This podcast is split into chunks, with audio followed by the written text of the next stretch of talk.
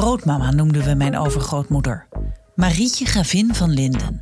Ze woonde op kasteel Ter Hoog op Walcheren. Zette grootmama zelf wel eens een kopje thee? Die stilte zegt genoeg. Je hebt haar nooit een kopje thee zien zetten. Nee, dat deed Mina, denk ik. Mina Marinissen was haar dienstbode uit Koudekerken.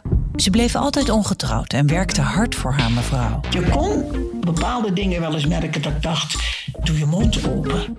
Ze kon geen kant op. Luister naar Mina en mevrouw. Een podcast van mij, Maartje Duin, voor VPRO's OVT, NPO Radio 1. Welkom bij deze interviewaflevering van De Eeuw van de Amateur. Mijn naam is Botte Jellema en straks praat ik met D66 Tweede Kamerlid Steven van Wijenberg.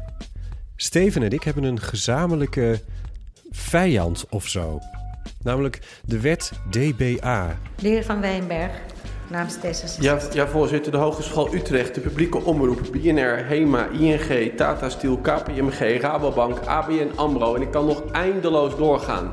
Zij huren die ZZP'ers gewoon niet meer in. Nu vraagt de staatssecretaris weer om geduld.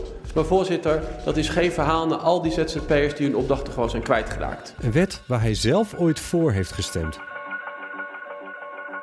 Ik ga zo uitleggen wat dat DBA precies is.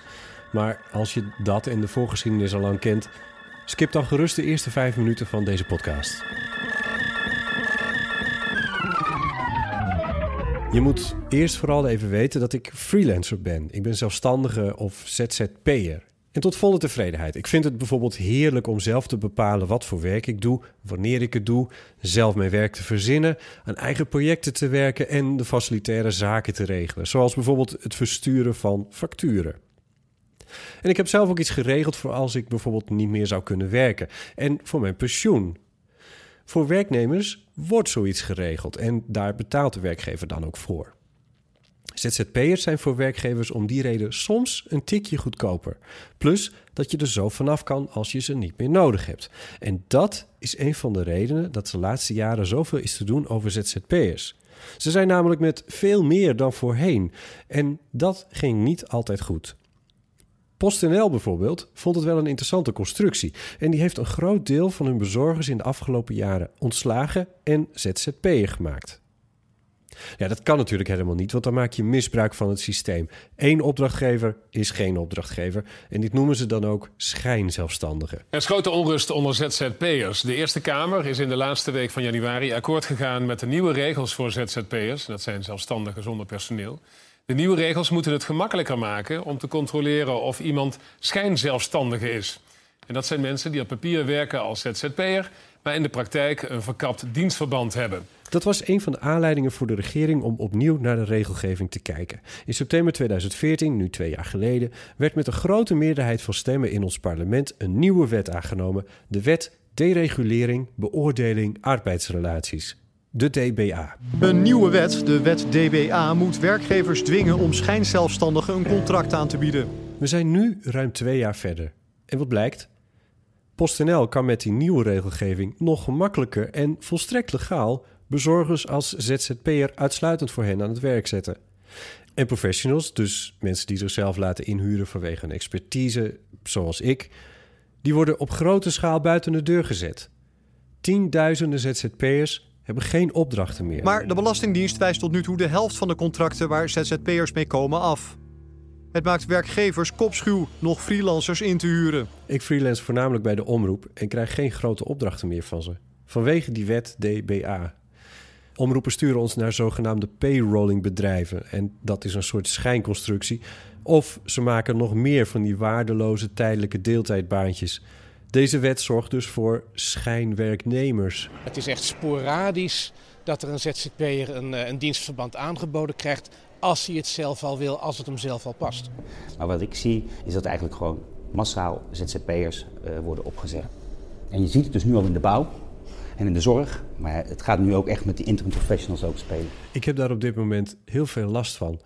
Als er niets gebeurt, ben ik over een half jaar mijn al jaren goed lopende bedrijfje gewoon kwijt. Dit kabinet laat dit nu al veel te lang duren. Moties om dat op te lossen worden consequent weggestemd door de coalitie. Kan de staatssecretaris nu toezeggen dat hij in die brief zorgt voor een volwaardige positie voor ZZP'ers? Die echt hun plek krijgen op de arbeidsmarkt. In plaats van door minister Asje te worden weggezet als uitgeknepen citroenen.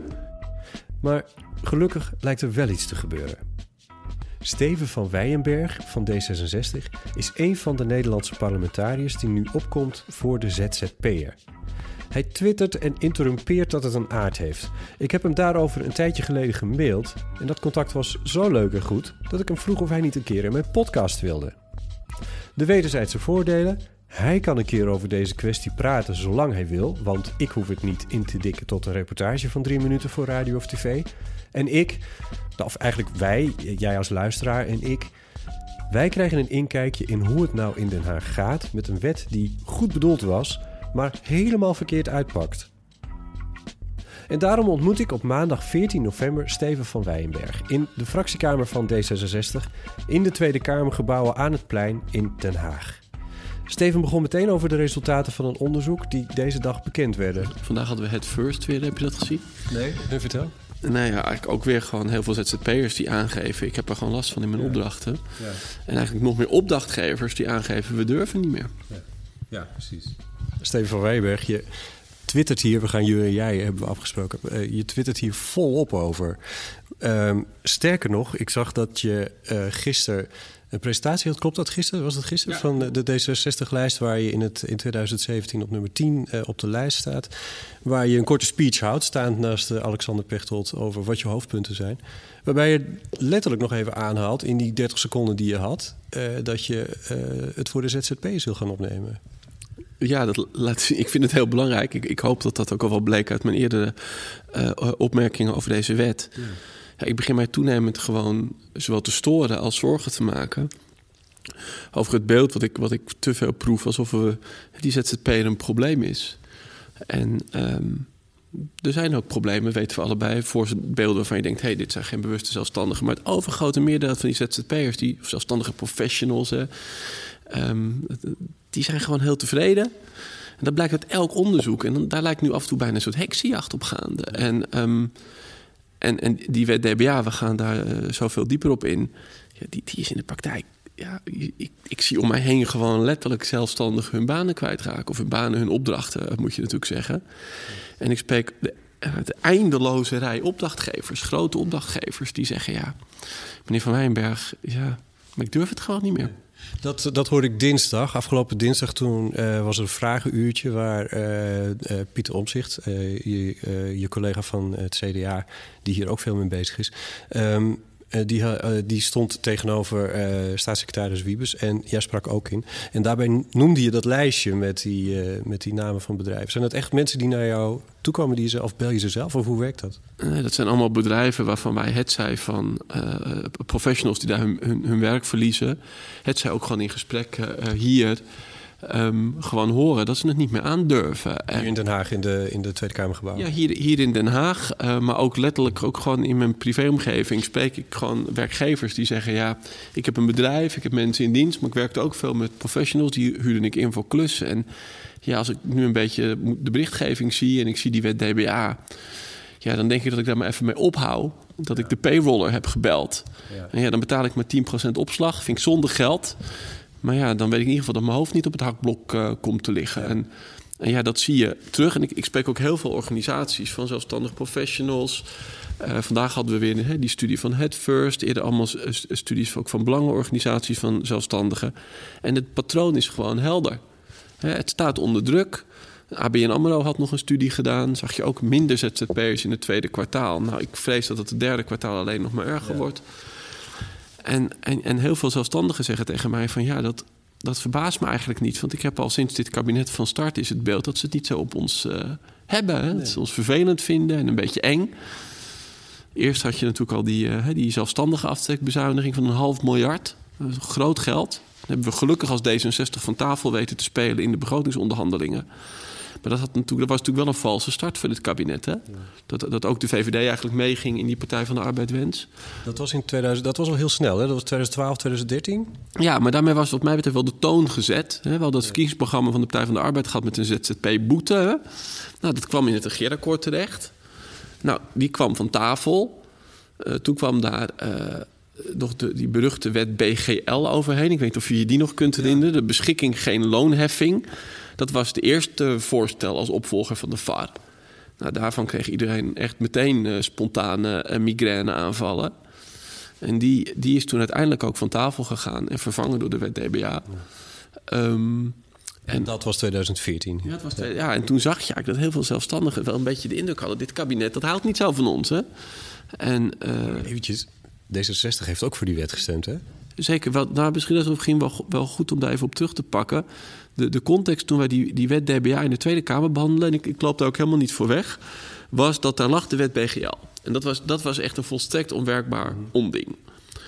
En op dat moment hadden we een, uh, hele grote problemen in de zorg. Ik weet niet of je dat nog weet. Het ging om, uh, om hoogwaardige verpleegkundigen in de 24-uurszorg en in de, zeg maar, de terminale uh, zorg. En die verloren allemaal hun opdrachten. Ja. En daar hadden ze na heel lang aandringen uit bijna de hele Kamer... is daar een oplossing waarin er eigenlijk een soort convenant werd afgesloten. En door dat convenant konden die duizenden verpleegkundigen... gewoon als zelfstandigen blijven werken. En dat wilden ze heel graag. En toen er dus die BGL sneuvelde, die wet uh, beschikking geen loonheffing, ontstond een beetje het beeld. Nou, misschien werkt het wel als je met een soort, soort overeenkomsten, modelovereenkomsten werkt. Ja. Want dat was in de zorg namelijk, bleek dat de oplossing om duizenden zelfstandigen aan het werk te houden. Ja. Ja. En, en vanuit die context heb ik toen ook naar die wet gekeken, is die ook opgesteld. En ik heb wel tijdens de Kamerbehandeling gezegd: dit is natuurlijk dus een wet die het moet makkelijker moet maken, niet moeilijker. En het is ook wel tekenend, want de SP stemde toen tegen die wet, want die vonden ze te veel pro-ZZP. Ja, dat was de enige partij in de Kamer die tegenstemde. Ja, maar waarom stemden ze tegen? Omdat die wet te aardig was voor zelfstandigen. Die was niet streng genoeg. Oké. Okay. Ja. En toen kwam de uitwerking. En toen zijn wij als D66 heel snel het vertrouwen verloren. Omdat wij toen kregen we allemaal signalen. Zoals nee, nee, maar dat mooie convenant wat er lag in de zorg... dat kon toch niet met die nieuwe spelregels. En we merkten dat het steeds bureaucratischer werd. He, ons was een heel eenvoudig, simpel, he, minder administratieve lasten. Nou, het werd alleen maar ingewikkelder. Dus wij hebben heel snel tegen de staatssecretaris gezegd: ja, als je het zo gaat uitwerken, dan ben je ons aan het kwijtraken. Mm -hmm. um, en dat heb... Waar hing dat precies op? Dat, dat, hing, dat hing erop dat wij merkten dat het een soort. Die modellen het werden steeds grotere juridische monsters. Ja, ja dat, die, die overeenkomsten zelf, dus ja. die modelovereenkomsten. Ja, en ook wel de sfeer waarin dat dan getoetst zou gaan worden. Ja. Um, Waarin allerlei dingen waarvan wij ervan uitgingen dat het natuurlijk gewoon kon, werd allemaal steeds moeilijker en moeilijker. Hè? Het werd steeds mis, meer een soort scherpslijperij, waardoor je nauwelijks nog door dat hoepeltje kon springen. En dat zag je ook toen die wet dus uiteindelijk in de Eerste Kamer belandde. Zag je ook een heel interessant fenomeen. Toen heeft D66 eigenlijk gezegd: we zijn om drie redenen tegen. We zijn bang dat echte zelfstandigen hier last van krijgen en niet worden geholpen. Dat was het doel, maar dat dat niet zou gaan gebeuren. Wij zijn bang dat je de schijnzelfstandigen met deze wet niet echt aanpakt. Ja. En de derde is, we missen... Een groot probleem trouwens, rond die tijd. Veel uh, reportages op televisie bijvoorbeeld over de postbezorgers... die uh, door PostNL buiten de deur werden gezet van... Uh, je wordt nu zelfstandig en de PostNL als enige opdrachtgever hadden. Precies, dat, misschien, als, dat kom ik misschien zo nog even op terug. Okay. Want dat ben ik, ben ik volstrekt met je eens met deze... vind ik echt een illustratie waar die wet dus ook niet werkt.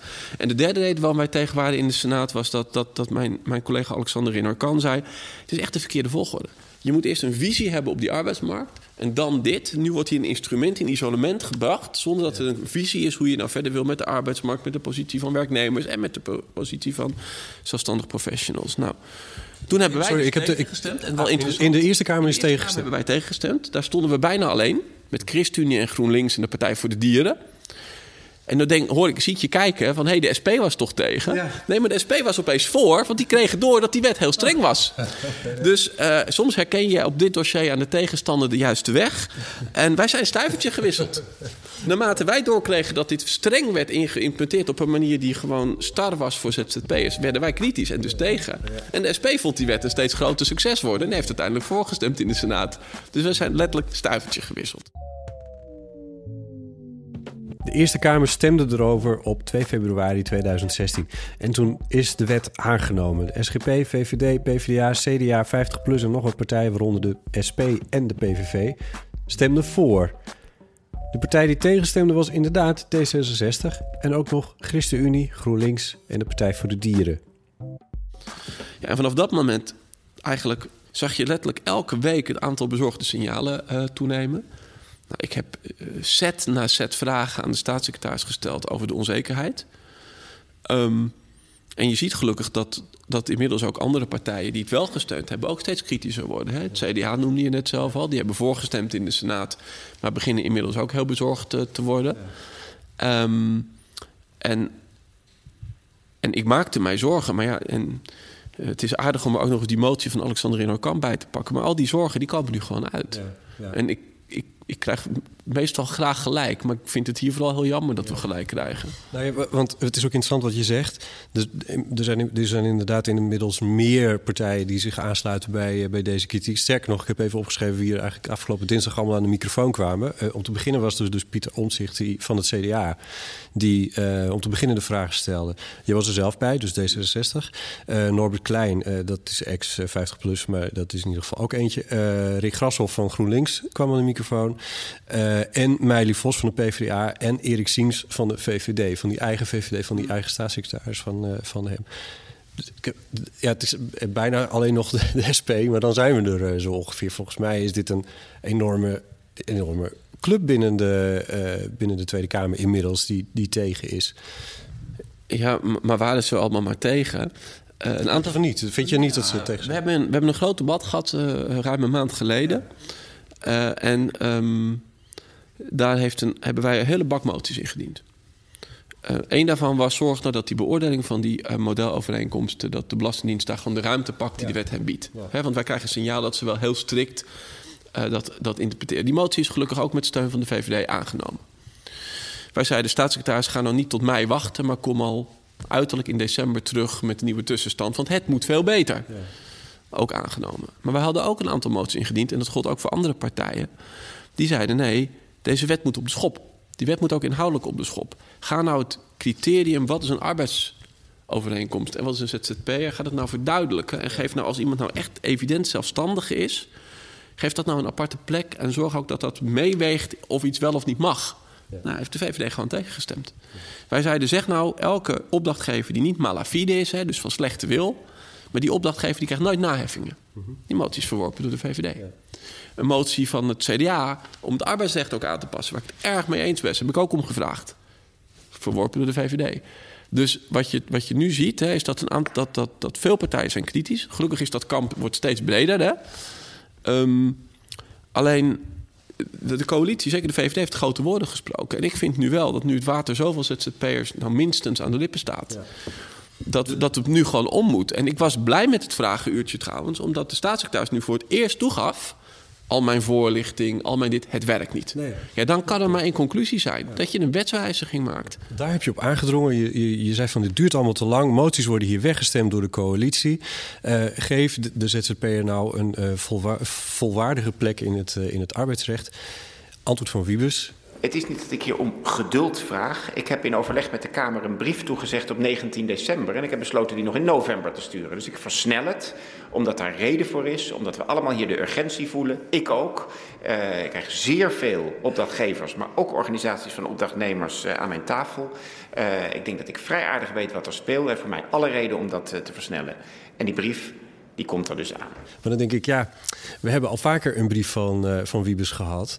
Meestal staat er gewoon niks in. Wat, wat verwacht je zelf van die brief?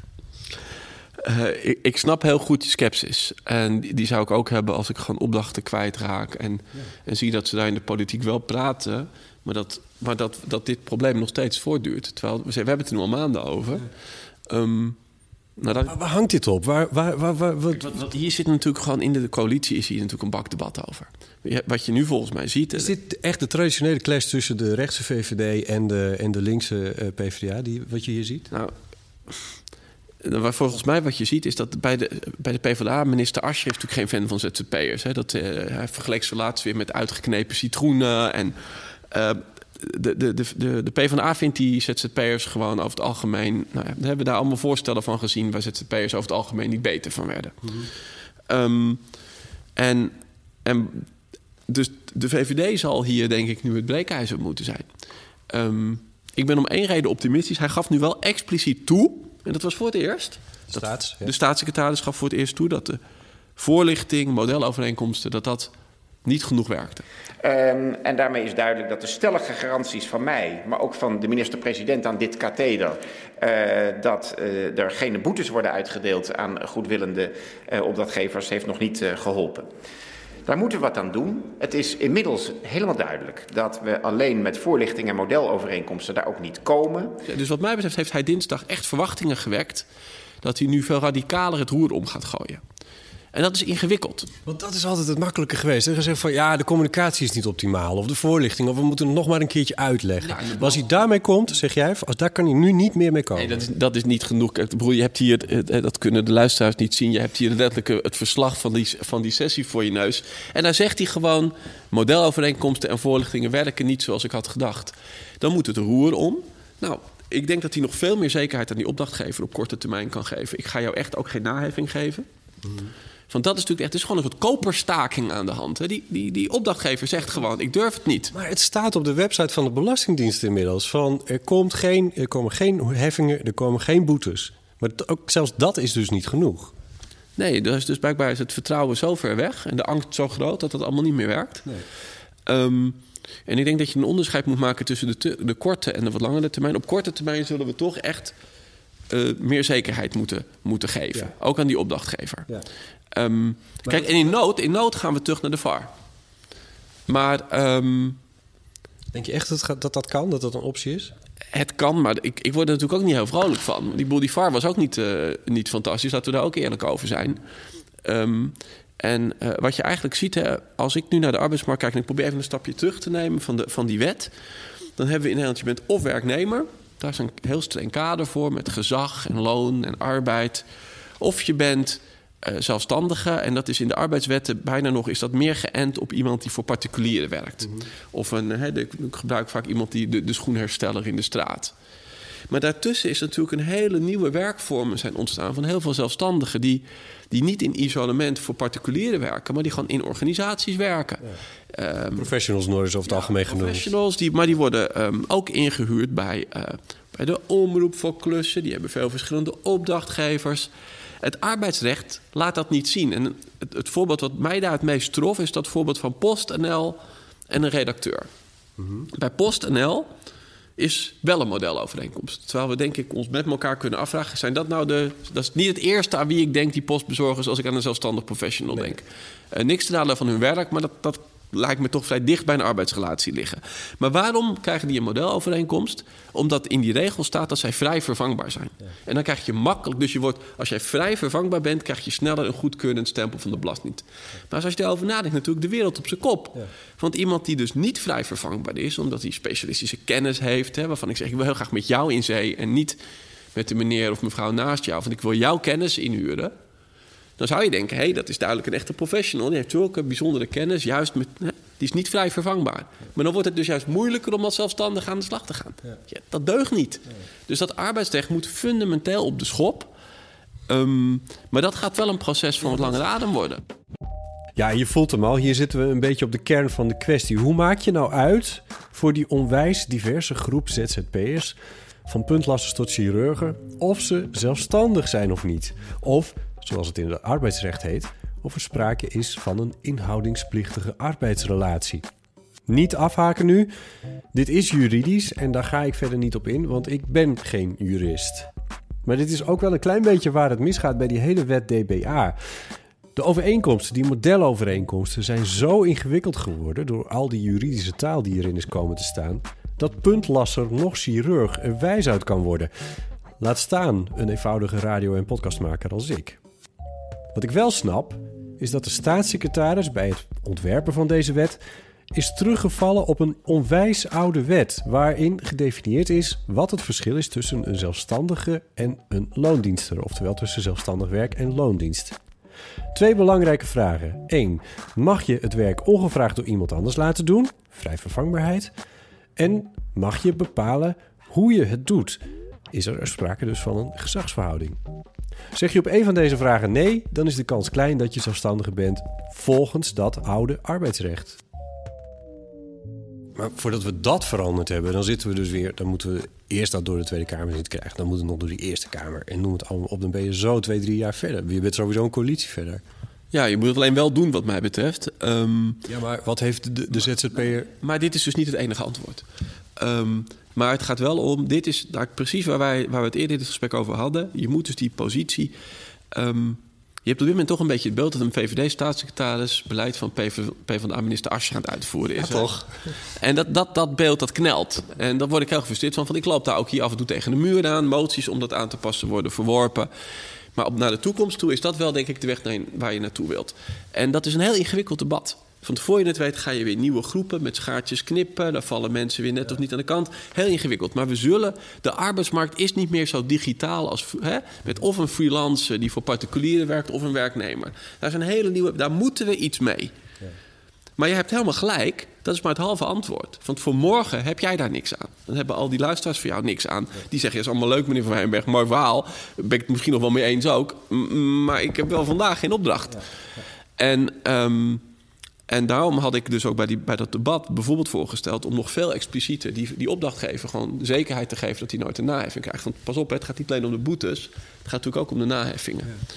Ehm, dus dat zou je kunnen doen. Je kunt ultiem terug naar de VAR. Maar dat vind ik wel echt een noodgreep. Zou, hè? Laten we het even... Jij twittert ook nog regelmatig van weg met die wet. Die uh, wet DBA. Uh, eh, terwijl ik onderhand iets heb van uh, hoe zeg je dat? Staan we wel tegen de juiste bomen op te blaffen? Om even een Engelse uitdrukking verkeerd te vertalen. Uh, is, is die wet nou slecht? Is bij wie moeten we nou zijn? Moeten we nou bij de staatssecretaris zijn? Moet hij de wet veranderen? Moeten we bij de Belastingdienst zijn die een andere uitvoering geven aan deze wet? Moeten we bij de opdrachtgever zijn omdat die uh, om een of andere reden verwachten dat er een soort uh, arbeidseconoom Ronald Dekker die zei het in de, de Volkskrant afgelopen weekend van ze willen een in beton gegoten toezegging van de Belastingdienst dat ingehuurde ZZP'ers niet achteraf als werknemers worden aangeslagen. Terwijl zoiets, ja, dat bestaat natuurlijk helemaal niet. Het bestaat nergens. Uh, niemand gaat dat, uh, gaat dat afgeven. Of moeten wij ook zelf als de zelfstandigen, moeten wij zelf als zelfstandigen niet misschien ons ook wat meer laten horen? Want ik, ik heb zelf heel erg het gevoel dat wij ons in het hele proces, het proces zelf, een beetje over ons heen hebben laten lopen.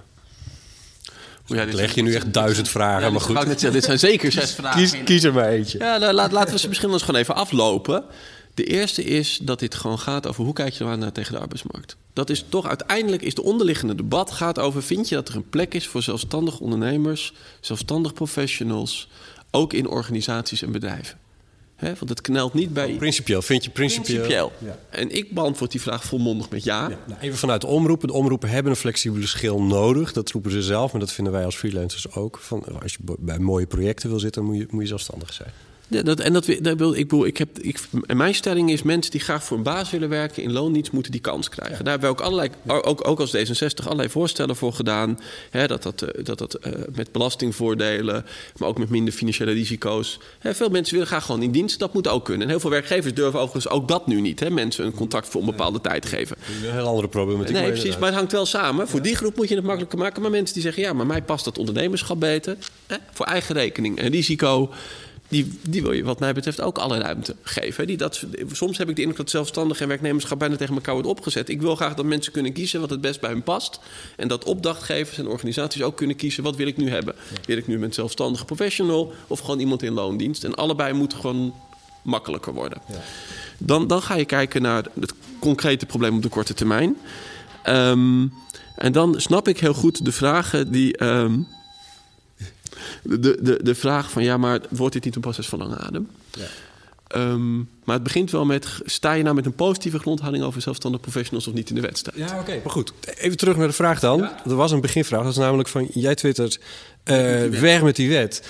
Is dat de juiste boom om tegen aan te blaffen? Nou, volgens mij, kijk, uiteindelijk, de, ik, eh, als je blaft tegen de boom die kabinet heet, dan.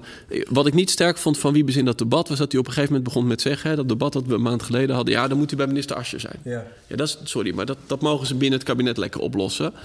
Um, maar het is waar, je komt, dit is niet alleen een fiscale vraag. Dit is ook een arbeidsrechtvraag. Dus ja, wat mij betreft is dat debat in december ook met minister Ascher. En ja, wat mij betreft vraagt dit zeker zoveel aan de arbeidsrechtenkant als aan de fiscale kant. Dan zitten we nog steeds met een wet DBA die wel gewoon telt. En je kunt zeggen, ik ga terug naar de VAR. Nou, dat, is, dat, dat vind ik de noodgreep. Dat heb ik ook de VVD wel eens al horen zeggen. maar, ehm, maar ik kan me ook nog voorstellen dat je, dat je in de tussentijd probeert om maar wat andere criteria te doen. Wij hadden voorgesteld, gaan nou meewegen of iemand gewoon een zelfstandig professional is. Dat kun je op allerlei manieren doen. Dat is allemaal overigens best ingewikkeld, maar dat zou je al op korte termijn kunnen doen. Ik zag vandaag weer wat voorstellen van, nou, boven een bepaald tarief gaan we er gewoon vanuit dat je zelfstandige bent. Of als je al zoveel jaar staat ingeschreven bij de Kamer van Koophandel. Of je werkt minder dan acht uur als zelfstandige, dan ben je ook vast dat niet. Ehm, dus zo kun je, zou je in de tussenperiode alvast wel een paar... Hoe ik zeg van, nou, voor u en u en u en u... geldt in ieder geval gewoon, u bent zelfstandige... dan weet uw opdrachtgever dat ook als ik u inhuur... eh, met... ehm, dat overigens al die grenzen zijn arbitrair. Is het dan 30 of 20 of 40 euro? Ja. Eh, is het eh, twee jaar, één jaar of drie jaar bij de Kamer van Koophandel? Is het acht uur, tien uur of zes uur zelfstandig professional zijn?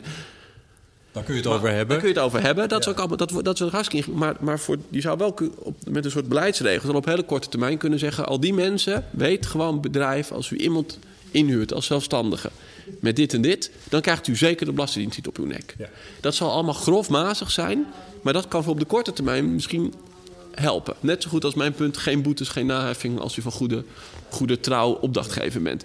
En, en dat is de korte termijn. En vanuit daar kunnen we dan langzaam door naar het echt lange termijn perspectief met aanpassing van arbeidswetten. Hè, bijvoorbeeld die gezagverhouding waar we het net over hadden, dat, dat knelt gewoon bij professionals.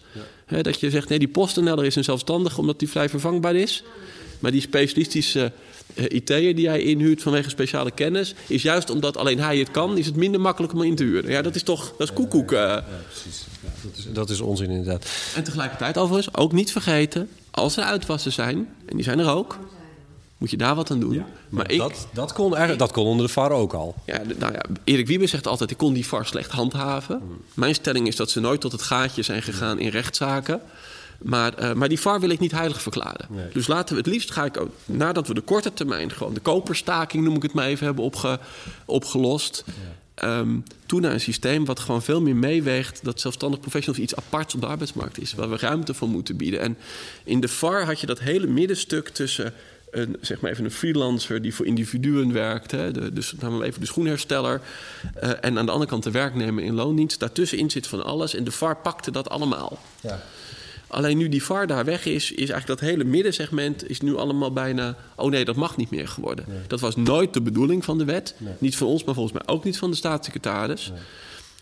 En wat we tegelijkertijd natuurlijk moeten doen, is, is wel zeggen: het is natuurlijk wel heel raar dat wie spinnen er nu gade bij? Paywallbedrijven. Ik gun paywallbedrijven ook hun omzet.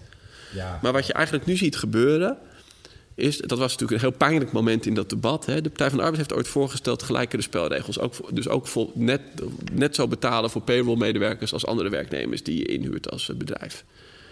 Nou, bij een Kamerbeet zeiden we dat is een goed idee. Alleen de PvdA heeft nu gezegd, ja, die motie wordt niet uitgevoerd. Dus, dus je zag nu de gekke situatie dat de hele oppositie tegen het kabinet zei... gaat u nou die motie van de PvdA alsnog uitvoeren? En de PvdA stemde daartegen. Heel pijnlijk. Ehm, want, want die payroll, dat zijn nu de grote winnaars. En hoe, hoe komt dat? Dat is omdat dus blijkbaar echt iemand in dienst nemen. Dat kunnen bedrijven niet. Omdat daar financiële risico's hebben bij ziekte, ontslagregels, eh, allemaal start. Maar een zelfstandige inhuren is ook heel ingewikkeld geworden. En dus vlucht iedereen nu maar weg in of tijdelijke contracten, of payroll, of uitzend. En dat kan voor ziek en piek allemaal prima. Maar dat is natuurlijk zonde als je dat doet omdat een vaste baan bieden durf je niet meer. En een zelfstandige inhuren ook niet meer. Ja, dan hebben we de arbeidsmarkt wel aardig aan de kloten geholpen, excuseer Ehm dus daar zullen we wat moeten. En ik realiseer me dat we dat echte perspectief... dat doen we niet in een, in een dag of een namiddag. dus we zullen, we zullen wat mij betreft nu echt tegelijkertijd twee dingen moeten doen... op lange termijn. Laten zien, vinden we nou dat die ZZP'er een plek heeft verdiend op de arbeidsmarkt... een volwaardige plaats? En die vraag beantwoordt D66 volmondig met ja. Want laten we ook niet vergeten... elk onderzoek blijkt dat het merendeel van de ZZP'ers... is het uit eigen vrije wil Ja. is hartstikke tevreden. Hè? Hebben werkplezier wat gemiddeld hoger is dan van een werknemer. Ehm, ze zeggen, ik kan werken en privé veel beter combineren. Ik kan mijn eigen tijden doen. Daar heb ik allemaal voor gekozen. Dus laten we nou niet... Je hebt de indruk dat soms de excessen, en die zijn er... Jij zei dat net ook al, hè, met schijnzelfstandigheid. Ze zijn er. Maar dat we daarmee niet nou dat Nee, hele... Dat is niet de norm inderdaad, nee. Nou, niet enorm, dat is enkele procenten. Dat zijn enkele procenten te veel. Graag wat aan doen. Maar op dit moment lijden al die bewuste zelfstandig professionals daaronder. En aan de andere kant zullen we dus op de korte termijn... en dat is hartstikke ingewikkeld... ehm, dingen moeten bedenken om de markt gewoon heel snel weer op gang te brengen. En, ja, ik, heb het idee dat, dat, dat dat hier in, in dit huis een beetje moet gebeuren. In deze Kamer. Uh, dat bedoel ik niet de, de, de, de fractiekamer van D66. Wat is dit? De fractiekamer, dit is de fractiekamer van D66. Mooi, hè? Ja, ik vind hem prachtig, ja. Met, met mooi housesnijwerk, et cetera. Mooi uitzicht trouwens ook. Maar ik bedoel, uh, in dit huis in de Tweede Kamer uh, moet, dat, moet dat voor een belangrijk deel gebeuren. Maar wat kan de, de, de, de, de, de zelfstandige op dit moment nou eigenlijk... Wat kan hij nou doen? Wat, wat kan hij op dit moment doen? Moeten we echt alleen maar, kunnen we alleen maar afwachten waar, waar, waar uh, Wiebe straks met wat voor brief die komt, uh, nog in november? Of uh, wat de commissie Boot ergens halverwege december, waar die mee komen? Wat, wat kunnen we doen? Ja, ik hoop af ook dat de commissie Boot eerder komt. Hè. Er was vorige week een gerucht dat het rapport ook al klaar zou zijn. Dus bij het vragenuurtje was ook wel de vraag... als, hè, als u nu eerder ja. komt, gaan we ervan uit dat het ook met de, met de commissie Boot is. Ja. Um, je vraag is een Trouwens, die onderzoeken de, de modelcontracten, ja. wat daarmee Ja, of dat dan in de praktijk uh, eigenlijk aansluit bij wat ooit het, het doel was. Ik heb daar zo een mening over. Maar goed, het is een onafhankelijke commissie. Dus uh, ik ben heel nieuwsgierig, vooral wat zij... Uh, Hoe zij nee gaan zeggen. Ja, maar goed, laat ik het doen. We hebben dat, ik, ik, ja. ik, kijk dat ik zie dat met vertrouwen tegemoet, zeg ik maar even. Um, politiek, ga verder. Ja, nee, maar goed, die, die mensen moeten heel onafhankelijk werk doen. Dan moet je ook als politiek niet op duwen. Wat uh, kunnen we doen? Wat we denk ik kunnen doen, is dat... Um, de ZZP'er. Het eerste is dat je op dit moment toch overal kijkt, hoe lukt het nog wel? Dat is heel moeilijk, maar dat doen jullie allemaal. Daar heb je, ja. niemand, geen van jouw luisteraars heeft mij nodig om te vertellen... om nog maar alles te doen om wel die opdrachten te houden. Uh, dat zou echt aanmatigend zijn als ik jullie daartoe zou oproepen. Nee, maar goed, ik heb ook ik heb die grote omroepen tegenover me. Hè, en die zijn zo wantrouwig, zo wantrouwig. Ja, en die zijn echt kopschuw gemaakt door deze wet. Ja. Die zijn echt kopschuw gemaakt. Dat is precies waar het dus ook misgaat. En um, wat, wat ik wel kan, en dat, dat vind ik nog wel goed de afgelopen jaar... dat zag je eerst al met die zelfstandige aftrek. Maar laten we eerlijk zijn, dit gaat over iets nog veel fundamenteels. Namelijk niet eens meer hoeveel belasting uh, je uh, moet betalen. Dit gaat over, heb ik überhaupt nog werk? Ja. Kan ik nog aan de slag? Ja. En wat ik, wat ik wel... In die zin vond ik dit wel een... In alle pijnlijkheid en hoe, hoe, hoe gefrustreerd ook ik ben... dat het nog niet lukt om er ook in de Kamer hè, doorheen te breken... omdat de coalitie toch nog veel wegstemt. Maar ik hoop echt overigens dat dat gaat veranderen. Maar wat ik heb gezien is dat ik juist heel veel zelfstandige professionals... zich nu heb horen uiten. En heb horen zeggen: Nee, kabinet, ik ben niet zielig. Ik ben geen uitgeknepen citroen. Ik wil gewoon werken. En wie ben jij, kabinet, om mij dat nou op dit moment onmogelijk te maken? -hmm. Um, de, de, uh, de opstand, is een groot woord, maar laat ik het toch maar even noemen. Hè? In de media, op sociale media. Jullie hebben ontzettend van je laten horen. Mijn inbox ontplofte.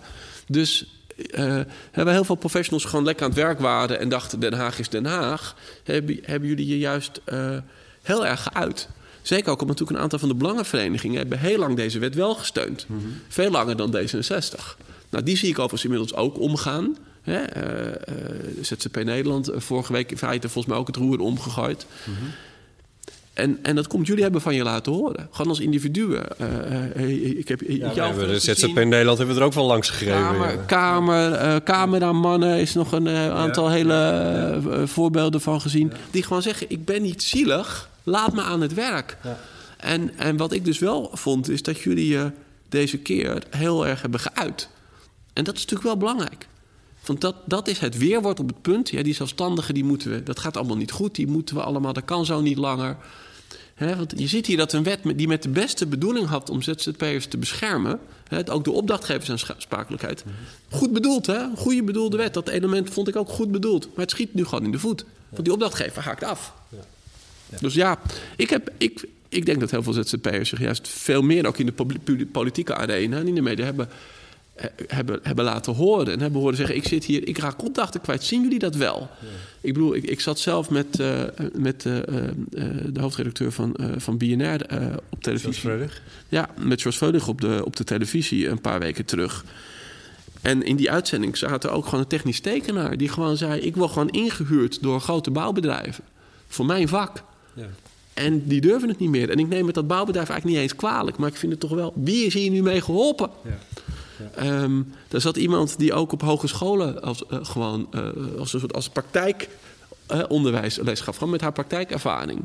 En die nu, daar nu maar mee gewoon stopte, omdat dat niet meer naast haar, haar baan, die ze ook had, kon doen. Denk, wie, dat, is wel, dat vind ik altijd een hele goede vraag voor politici. Wie is hier nou mee geholpen? Nou, de schijnzelfstandigheid hebben we volgens mij niet opgelost. Nee. Heel veel zelfstandige professionals hebben op dit moment veel minder opdrachten. Er zijn weinig of nie, geen uh, nieuwe uh, voltijdsbanen bijgekomen. Nee, maar, het is natuurlijk, maar dat komt ook omdat, en daar, dan komen we ook weer terug waar we mee begonnen. Daarom heb je ook die algemene visie nodig. Ja. Je ziet als je dit, dit geldt, het doet me in die zin erg denken aan die wet werk en zekerheid van minister Ascher. Dat was ook goed bedoeld. Goed bedoeld. Mensen makkelijker de stap van bijvoorbeeld een tijdelijk naar een contract van onbepaalde tijd. Maar wat zag je door hoe wij dat hebben geregeld en door alle starre regels die er nog zijn voor werkgevers, zie je dat die werkgever is niet mensen een vaste baan gaan geven. Die is gewoon nu niet na drie, maar al na twee jaar iemand anders gaan invliegen. En na twee jaar weer iemand anders. Dus dat werk bleef er, maar als tijdelijke arbeidskracht raakte je wel je werk kwijt. Zo zie je een goed bedoelde wet die ons toch in de voet schiet. Nou, datzelfde gevoel heb ik eigenlijk nou hier bij deze wet DBA. De bedoeling was goed. Ik denk ook dat, uh, dat, dat, dat ik ga ervan uit dat Wiebes helemaal niet het plan had om hier te zorgen voor minder ZZP'ers of zo. Maar dat is wel de uitkomst. En ja, mijn stelling is, als je merkt dat het niet werkt, moet je dat als politie ook eerlijk terug, toegeven en het roer omgooien. Nou, rond de wet werkzekerheid heb ik dat al een tijdje geleden gedaan. En hier hebben wij eigenlijk al tijdens de Kamerbehandeling, hè, tussen Tweede en Eerste Kamer, hebben wij gezegd: ja, maar wacht eens even, als u het zo gaat doen dan wordt dat niet een wet die ZZP'ers gaat helpen, maar die hen in de wielen rijdt. Er wordt onder ZZP'ers getwijfeld of, er, uh, of het daadwerkelijk niet de bedoeling is geweest dat er minder ZZP'ers uh, zouden komen. En dan komen we bij het, uh, bij het verhaal, maar dat is, dat, dat, dat, dat, daar komen we nu niet meer aan toe. Maar dan komen we met het verhaal van dat er misschien toch te weinig loonheffing is, wordt geïnd. zo, je, je, begint echt mokkerig te kijken. Ja, ja, nee, dat is, kijk, ik bedoel, ik, ik, ik, kijk, sommige dingen kan ik, kan ik, heb ik, kan nauwelijks meer horen, zeg ik met een glimlach tegen je. Ja, ik uh, breek weer even in, want ik maak tijdens het gesprek mijn zin weer eens niet af. Er is een hardnekkig gerucht dat die hele wet DBA niet alleen maar charmant bedoeld was om schijnzelfstandigheid tegen te gaan. Maar dat het juist de bedoeling is dat het aantal ZZP'ers omlaag wordt gebracht. Dat er substantieel meer mensen in loondienst komen, zodat er meer belasting op loon kan worden binnengehaald door de overheid. Steven refereerde hier al aan in het begin van het gesprek. Het leek erop dat ZZP'ers geframed werden als profiteurs en belastingontduikers. Dit is niet waar. Uh, nou ja, het is. Dat fiscale speelveld, hè, dat was altijd een reden. Ik heb het altijd heel raar gevonden dat de argumentatie gaat een beetje als volgt. Werken loont erg voor zelfstandigen door de zelfstandige aftrek. Voor werknemers loont het veel minder. Dan kun je twee dingen doen. Dan zegt de Partij van de Arbeid altijd, en dat zei ook dit kabinet in het begin, dan gaan we zorgen dat werken minder gaat lonen voor die zelfstandig professional. Dan denk ik altijd, dat is toch heel raar. Hè? We hebben het hier de hele dag in Politiek Den Haag over werken moet lonen. Ja. En dan gaan we dat minder lonend maken. Ik zeg veel liever, zorg dan dat het ook lonend wordt om werknemer te zijn. En dat zie je bijvoorbeeld ook in ons verkiezingsprogramma. De zelfstandige aftrek staat. En wij voeren daarnaast ook een fiscaal voordeel in voor werknemers. Dan maak je het fiscale speelveld gelijk. Maar gaat niet die, voor die zelfstandige werken minder lonen, maar voor de werknemer werken meer lonen. En ik maak het voor de werkgever ook goedkoper om mensen in dienst te nemen. Laten we hier nou eens naar de positieve oplossing gaan in plaats van de negatieve. En in die zin hoop ik over, dat wordt ook bij de verkiezingscampagne nog wel een heel ding. Ik zie bijvoorbeeld dat bij het CDA, die willen volgens mij gewoon weer bezuinigen op de zelfstandige aftrek. Hm. Die willen weer verplichte verzekeringen. En dat is er blijkbaar nog niet in de wereld. Dat, dat, is wat Pieter Omzicht al heeft gezegd volgens mij. Dat hij, dat, dat hij heel graag wil dat ZZP'ers uh, verplicht worden. Uh, ja, dat vind, ik, dat, vind ik, dat vind ik onverstandig. Um, ik wil ZZP'ers heel graag verleiden zich meer te verzekeren. Daarom heb ik hier ook moties ingediend... dat ze zich vrijwillig makkelijker, goedkoper moeten kunnen verzekeren... maar wel met een nadruk op vrijwillig. Hè, uh, eigen rekening en risico hè, blijft voor mij wel terugkomen... als voor, voor die over, over, overgrote meerderheid die hier gewoon bewust voor kiest. En, en wij zeggen, voer dan een fiscaal voordeel ook in voor werknemers. Maak het ook voor werkgevers goedkoper, zeker zo rond het minimumloon, om mensen in dienst te nemen. Want dat is uiteindelijk waar ik naartoe wil. Ik wil niet, zoals de PvdA, sturen op minder ZZP'ers. Ik wil dat je kunt kiezen. Ik wil dat jij kunt kiezen. Ik wil liever werknemer zijn. En dan is dat ook, zijn dat soort banen beschikbaar. Dan graag ook met een contract voor onbepaalde tijd. In plaats van zo'n draaideur van tijdelijke contracten. Waar uh, heel veel uh, jonge werkenden en mensen die vaak praktisch opgeleid zijn, nu steeds in vastlopen. En als ik wil kiezen voor het zelfstandig ondernemerschap, ja, willens en wetens, dan moet dat ook kunnen. En hetzelfde moet wat mij betreft gelden voor een organisatie of een bedrijf. Voor deze ding wil ik graag iemand in dienst. Dat moet dan betaalbaar zijn, zonder starre ontslagregels, zonder uh, starre of te dure loondoorbetaling bij ziekte, waardoor die werkgever dat niet aandurft. Maar als de werkgever zegt: nee, ik heb liever hier een, zelfstandig professional, want ik heb een klus of ik heb een bepaalde expertise die tijdelijk moet het ook. Dat past natuurlijk ook wel degene van mijn partij. Laat mensen kiezen en laat organisaties kiezen. En op dit moment zie je eigenlijk dat we in het soort slechtste van twee werelden zitten. Een contract voor onbepaalde tijd durft een werkgever niet te bieden. Inmiddels durft hij ook een zelfstandige niet meer in te huren. En de enige die daar dus blij van worden, zijn al die partijen daartussenin die een boterham verdienen. Uh, met payroll uh, en, en, dergelijke. Ja. En een arbeidsmarkt die, die je dus eigenlijk daar naartoe duwt. In plaats van dat je kunt kiezen voor werknemerschap of zelfstandig ondernemerschap. Ja, die arbeidsmarkt is gewoon uit het lood en die moet anders. Als je daar meer van wil, dan kun je gewoon op D66 stemmen in, in maart. En dan op de nummer 10, dan, dan komen dit soort dingen wel goed. Zullen we proberen om het een klein beetje af te ronden in de vorm van een soort samenvatting? Ik begrijp uit je antwoord, uitgebreid antwoord op mijn vraag van wat moeten ZZP'ers op dit moment doen, van zich laten horen? Laat je, ja, ja, Dat, is, dat klinkt. En dat is lastig, want veel ZZP'ers zijn op dit moment hartstikke druk bezig om te redden wat er te redden valt. Ja. Uh, of ze zijn, wat ik nog steeds de meest de groot deel gelukkig nog gewoon aan het ondernemen. Dat is belangrijk. Ja. Ik beschouw dit ook als gewoon als een. Als, ja, ja, gewoon het werk. Ik ben gewoon aan het werk. Uh, ik ook. Dus dat is, dat is mooi. Dat zijn er twee. Dat is een goed begin. Um, en, maar laten we. Dus, dus ga daarmee door. Laat je ook niet op de kop zitten. Kijk ook met je opdrachtgever wat er wel kan. Hè? Maar, maar, goed, nogmaals, daar hebben, hebben ondernemers mij niet voor nodig om ze daartoe aan te sporen. Maar wel laat je horen. Van dat is echt, laat je horen, laat zien dat dat beeld wat sommigen proberen te schetsen als een groep die een probleem is, waar er minder van moeten komen, die heel kwetsbaar is, dat dat het merendeel van de professionals zich daar helemaal niet in herkennen en zeggen ik verdien die volwaardige plaats. En zeker nu, we hebben in de crisis gezien dat heel veel professionals zware tijden achter de rug. Hè?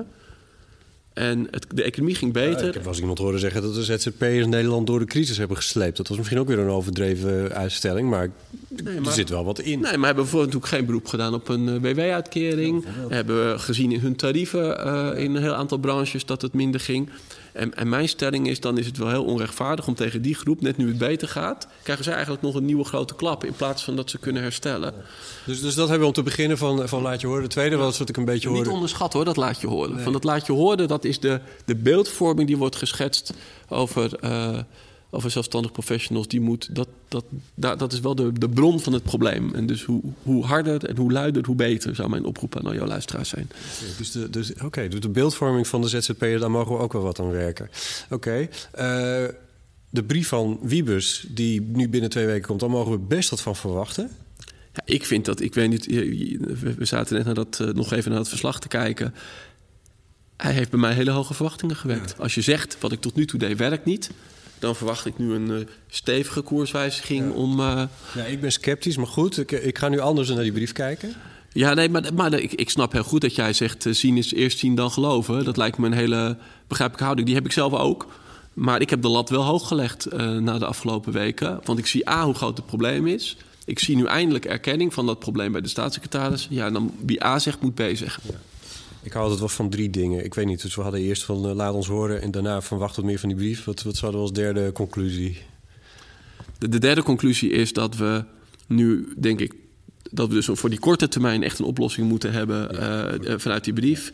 Maar dat, de, dat we daarnaast toe moeten naar een arbeidsmarkt... die gewoon een volwaardige plek gaat bieden aan het feit dat er tussen de de, de, de, ondernemer die werkt als, ik noem het maar even, de schoenmaker op de hoek, dat, dat daar een hele nieuwe arbeidsmarkt is ontstaan. En dat onze arbeidsregels en onze fiscale regels die volwaardige plek moeten gaan geven. Dat wordt een ingewikkeld iets. Je hebt helemaal gelijk, dat doen we niet van vandaag op morgen.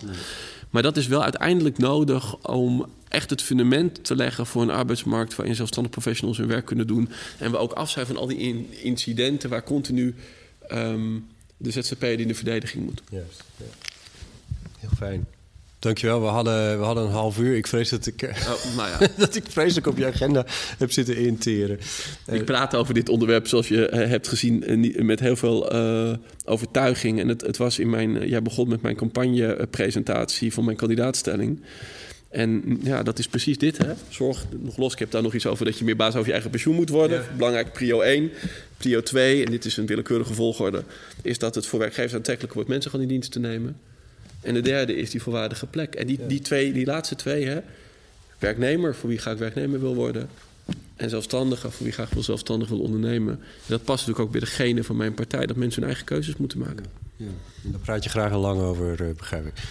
Uh, nou ja, je had, je had uh, dusdanige goede vragen dat die altijd een langer antwoord verdiende. Maar, ehm, maar de kern is, we moeten dit laten horen. Want dat laat je horen is wel de crux. Laat je niet in een hoek zetten. Kom op voor je eigen professionaliteit.